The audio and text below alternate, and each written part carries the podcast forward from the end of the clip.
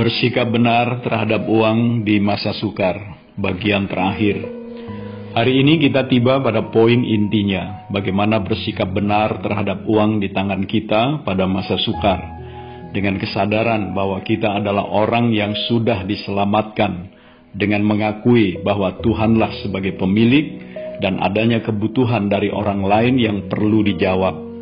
Saya mau berbicara dalam konteks hidup berjemaat karena dalam kehidupan berjemaatlah kita dapat melihat kualitas pemahaman dan praktek kebenaran firman Tuhan dalam hal uang dari masing-masing anggota jemaat tersebut.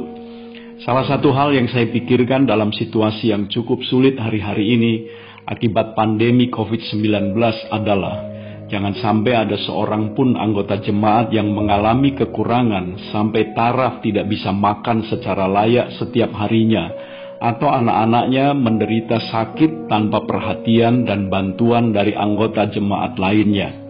Ya, jangan sampai ada sebagian jemaat yang tetap berkelimpahan hidupnya, sekalipun situasi ekonomi sedang sulit.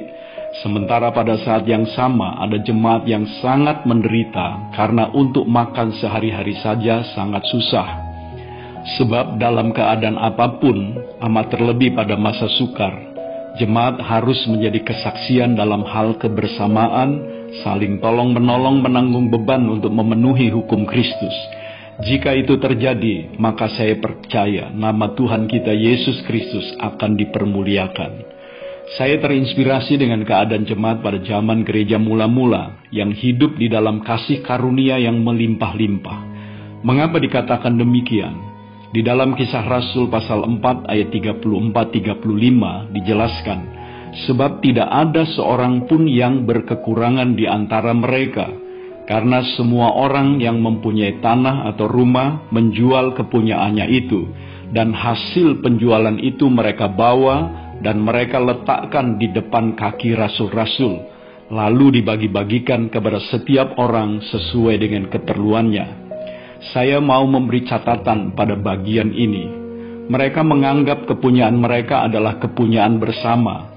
Ini bukan sistem ekonomi sosialis, karena tidak ada klaim kelompok atas kepemilikan pribadi, tetapi yang ada adalah kerelaan hati masing-masing untuk berbagi. Sebab Alkitab dengan tegas menghargai kepemilikan pribadi, bandingkan kisah para rasul 5 ayat 4. Dari ayat dalam kisah para rasul tersebut, saya mendapatkan paling tidak dua hal. Yang pertama, perlu dan pentingnya menerapkan prinsip keseimbangan, terutama di masa sukar. Ini sesuai dengan apa yang dituliskan oleh Rasul Paulus di dalam 2 Korintus 8 ayat 14 dan 15. Maka hendaklah sekarang ini kelebihan kamu mencukupkan kekurangan mereka, agar kelebihan mereka kemudian mencukupkan kekurangan kamu, supaya ada keseimbangan. Seperti ada tertulis, orang yang mengumpulkan banyak tidak kelebihan, dan orang yang mengumpulkan sedikit tidak kekurangan. Catatan dari saya, mereka yang berkekurangan tidak seharusnya memanfaatkan saudaranya yang berkelimpahan dengan cara apa pun juga melainkan perlu saling tolong-menolong, karena yang berkelimpahan pasti membutuhkan mereka yang kekurangan juga, dan sebaliknya. Yang kedua, perlu dan pentingnya praktek kemurahan hati, terutama di masa sukar. Pada saat yang diperlukan atau berdasarkan gerakan hati secara pribadi, kita perlu memberikan uang kita dengan murah hati. Ketika kita menolong orang yang berkekurangan, sesungguhnya kita sedang berinvestasi untuk harta sorgawi kita yang tidak akan habis, rusak atau dicuri. Bagi saudara yang berkelimpahan, John Piper, hamba Tuhan itu memberikan nasihat.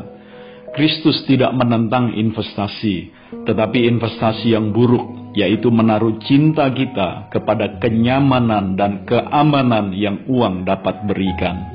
John Wesley juga pernah memberikan nasihat kepada kaum pedagang tentang penggunaan uang.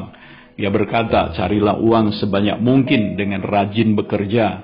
Tabunglah uang sebanyak mungkin dengan hidup hemat dan bijaksana.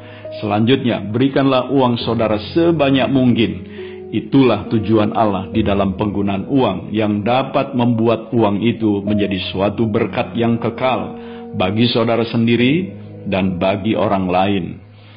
Demi praktek kemurahan hati ini, saya ingin meneguhkan dan mengingatkan setiap anggota jemaat melalui Amsal 11 ayat 24 sampai 26. Di sana dituliskan, ada yang menyebar harta tetapi bertambah kaya, ada yang menghemat secara luar biasa, namun selalu berkekurangan.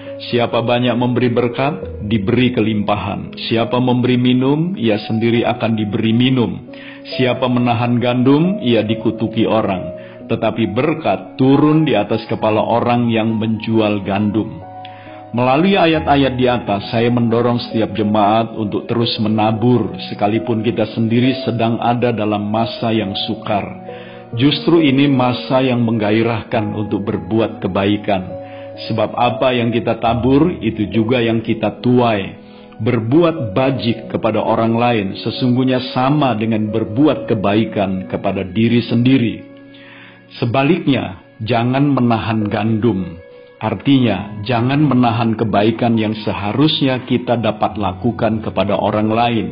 Itu sesuatu yang sangat berdosa di pemandangan Tuhan, apalagi jika kita lakukan pada saat situasi sedang susah dan orang lain sangat membutuhkan. Di masa sukar ini sungguh amat indah jika kita semua, baik yang berkelimpahan dan berkekurangan, belajar bermurah hati, yang satu dengan uang dan hartanya, yang lain dengan tenaga atau apa pun yang bisa diberikan. Jika ini dilakukan, pandemi ini bisa kita lalui dengan baik.